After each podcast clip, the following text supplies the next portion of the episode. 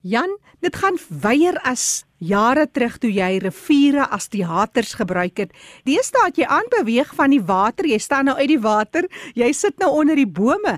Dit is nou een groot uitdaging en ook 'n groot een moet ek sê. Ons het onlangs 'n um, wekroep gehad toe 'n kewertjie hier amok gesaai het onder Johannesburg se bome. Inteendeel, dis nog altyd aan die gang, maar vir die oomblik fokus ons op jou werk en die bome plant daar in die Wes-Kaap. Vertel ons eers die rol van bome en hoe jy eintlik daardeur gemeenskappe, skole, mense bymekaar wil trek. Jackie, ja, ons het uh, by die Woordfees in 2009, 2010 begin met bome vir woorde die jaar daarna bome vir woorde 2 en toe na bome vir woorde 3. Daar het ons die skole van Stellenbosch en studente koshuise gekry om deel te neem aan 'n projek in die Jan Maree Natuurtuin om bome te plant. Dit het weer eens gegaan om mense bymekaar te bring, kinders van verskillende agtergronde en dan ook die universiteit en die munisipaliteit saam om bome te plant in die pragtige tuin in die middel van Stellenbosch. Die hoofrede was om natuurlik die belangrike saak van aardverwarming en die koolstofvoetspoor van kunstefeeste aan te spreek. Mm. Dit was 'n groot sukses. En daarna daar het dit gevloei ook boomaanplantings in plekke soos Aides Vallei, by Lukhof Hoërskool ensovoorts. Dit was 'n ander interessante projek. Maar ek het so 'n klompie jaar gelede met die laerskool Durbanville en met die Durbanville munisipaliteit gesels oor hoekom Johannesburg staan bekend as die grootste aangeplante boomstad in Afrika. Daarom het Johannesburg ook die meeste inheemse voëls in Afrika. Ons weet mos nou dat voëls het plekke om neste te maak. Ja en daarom die lok die bome van Johannesburg die voëls en die kinders in Johannesburg en die mense van Johannesburg waar jy gelukkig is om te woon woon in 'n boomstad. En toe het ons hulle gesê maar kom dis die grootste boomstad. Kom ons maak Durban wel die kleinste boomstad hier in Suid-Afrika. Die kinders het nou baie hulle het dit nou aanklank gevind en toe het ons begin bome plant. Weer eens divers Laerskool Durbanville met skole in die sogenaamde breinwoongebied, maar die kinders om mekaar saam bome te plant. Ek het gevind dat wanneer 'n mens 'n boom saam met iemand plant, vergeet jy dit nooit. Ja.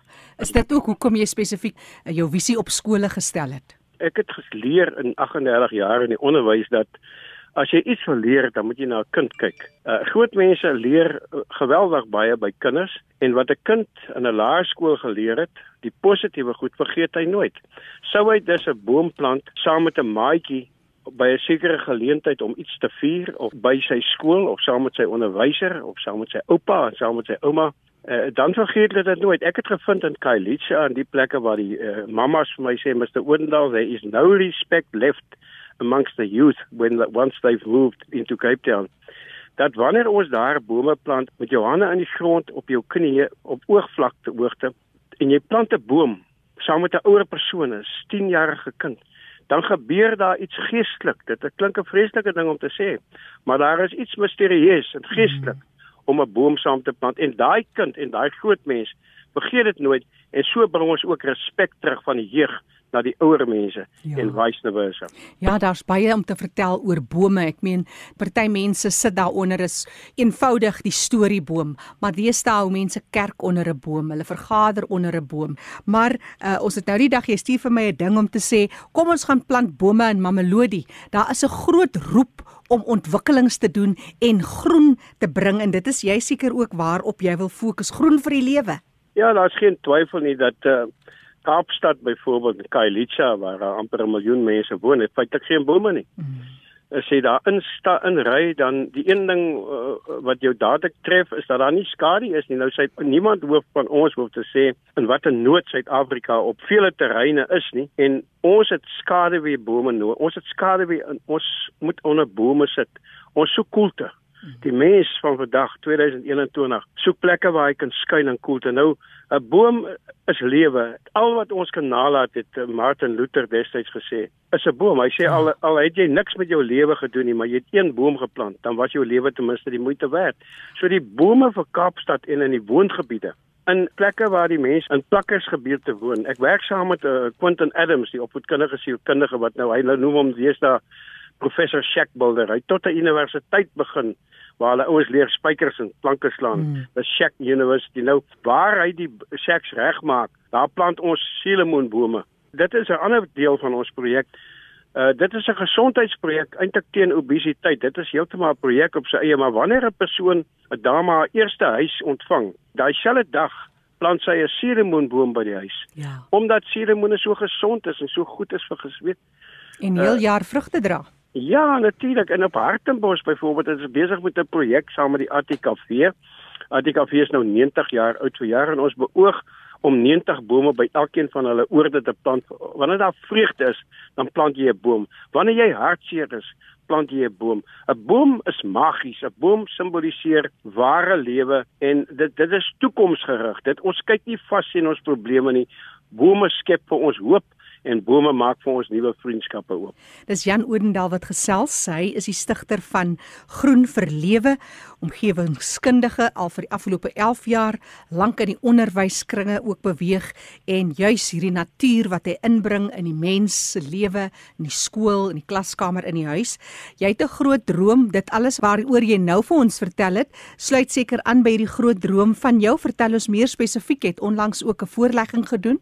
Ja, dit gaan oor dat uh, Kaapstad het natuurlik op hulle eie ook uh, besef dat hulle sal daadwerklik moet begin bome aanplant en ek weet hulle het 'n droom, hulle is deel van die miljoen bome projek. Dit is 'n internasionale projek. Ek dink dit het as ek raak gelees het kom dit van die Oekraïne af. Die Oekraïense uh, diplomate het hier bome geplant saam met die stad Kaapstad begin met die projek sodat hulle deel is daarvan. Ek het al van tevore voorleggings aan die stad Kaapstad gedoen, maar jy is weer in ons gaan dit mos maar wanneer jy met die bureaukrasie te doen het neem dinge tyd. So om dit vinniger te laat plaasvind, gaan ek direk na skole toe. Kontak skole, identifiseer skole, maak 'n afspraak, gaan na die skoolhoofde toe.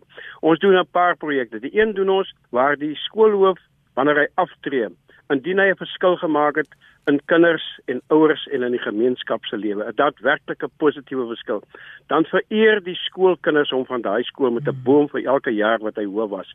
So dit nou 'n paar skole, meneer Alexander van Benedino Heights, een van die beste skoolhoofde wat ek ooit ontmoet het in my beroepsloopbaan. Hy sit langs plakkerskampe, langs Wallisdien en langs Bloekombos in Scottsdene en as die kinders instap met daai swart uniform en die rooi bandjie van van meneer Alexander se skool, hy het nou afgetree toevallig van Benedino Heights, dan verander hulle, dan word hulle getransformeer in rolmodelle.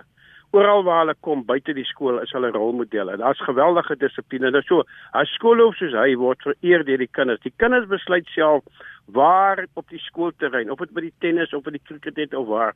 Wat is soort bome? Dit word 'n projek van die leerders om hulle skoolhoof te vereer. By ander skole Durban wil hoor byvoorbeeld moet ook 'n baie innoverende nuwe hoof wat die ouers dadelik gekry het om te begin tuine maak by die skool en te help ensovoorts. Daar het ons besluit het hy saam met ons saam gesels en toe besluit die onderwysers van sekere presentasie skole in Suid-Afrika het so hard gewerk gedurende die afgelope 8-9 maande in koue tyd. 20% van die onderwysers stel 'n werkte simpel gewerk om goeie kwaliteit onderwys te laat geld en soveel so dat hulle akademies beter presteer as die vorige jaar. Daai skool se onderwysers gaan vir hulle self 'n boom plant om dit te vier dat hulle kon as 'n span so goed saamwerk. Ek dink dis 'n lekker idee. So ja. verskillende projekte by skole sodat skole die leiding neem omdat daar met die kinders gewerk word en kinders vergeet dit nooit.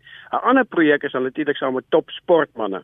Daarby sal ons nog uitkom. Ons praat van die die netbal toernooi wat volgende jaar in Suid-Afrika is. Ek het al poelers uitgesteek om te sorg dat elkeen van daai netbal spelende lande se bestuur en hulle spanne wanneer hulle in die Kaapland hy toernooi vind toevallig in die Kaapplaas dat hulle 'n boomplant saam met 'n Suid-Afrikaanse dogter. Wonderlik. Mm. By 'n skool in die woongebiede wanneer 'n kind saam met 'n sportheld 'n boom geplant het en daar 'n naamplaatjie op dan Ons groot probleem is toe ons destyds die miljoen bome projek op Stellenbosch begin het 'n klomp jaar gelede. Hoe hou ons daai lewe, daai bome in stand? Jy ja. kan nie van die munisipale amptenare verwag nie. Iemand moet verantwoordelikheid neem. Nou wanneer 'n kind saam met 'n held of dit nou 'n sangeres is of 'n akteur is, 'n sepie-akteur of 'n beroemde sportvrou of man, 'n boom geplant het, vergeet hulle dit nooit mm. en hulle nageslagte en hulle boeties en sissies sal sorg dat daai bome bly lewe. Ja, ja, so hulle neem eienaarskap. Jan vir mense wat met jou wil kontak oor hierdie wonderlike inisiatief, dit alles net om ons land, ons wêreld, ons huise, ons skole groener te kry, groen vir lewe. Hoe maak mense om met jou in kontak te kom? Dit ek gee vir jou graag my e-pos, dit is G die syfer 4, die hoofletter L die woord green alles klein lettertjies en dan @gmail.com. en my selfoonnommer is 083 701 9791. Dis 083 701 9791. Ek wil net sê dat uh, in Heidelberg byvoorbeeld het 'n cricketspan, ook Quentin, hy kom van daai dorp af. So ou gaan na jou plek na jou wortels toe en daar begin jy, jy begin by waar mense jou ken.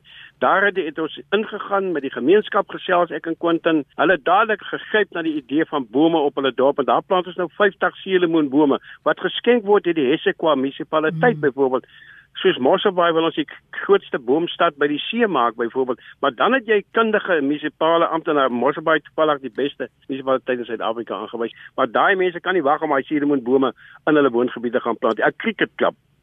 Dis Jan Oudendal wat liries raak oor bome. Onthou sy kontakbesonderhede. Jy kan gerus vir hom 'n e-pos stuur of bel hom. Ek ken net weer sy telefoonnommer 083 701 9791.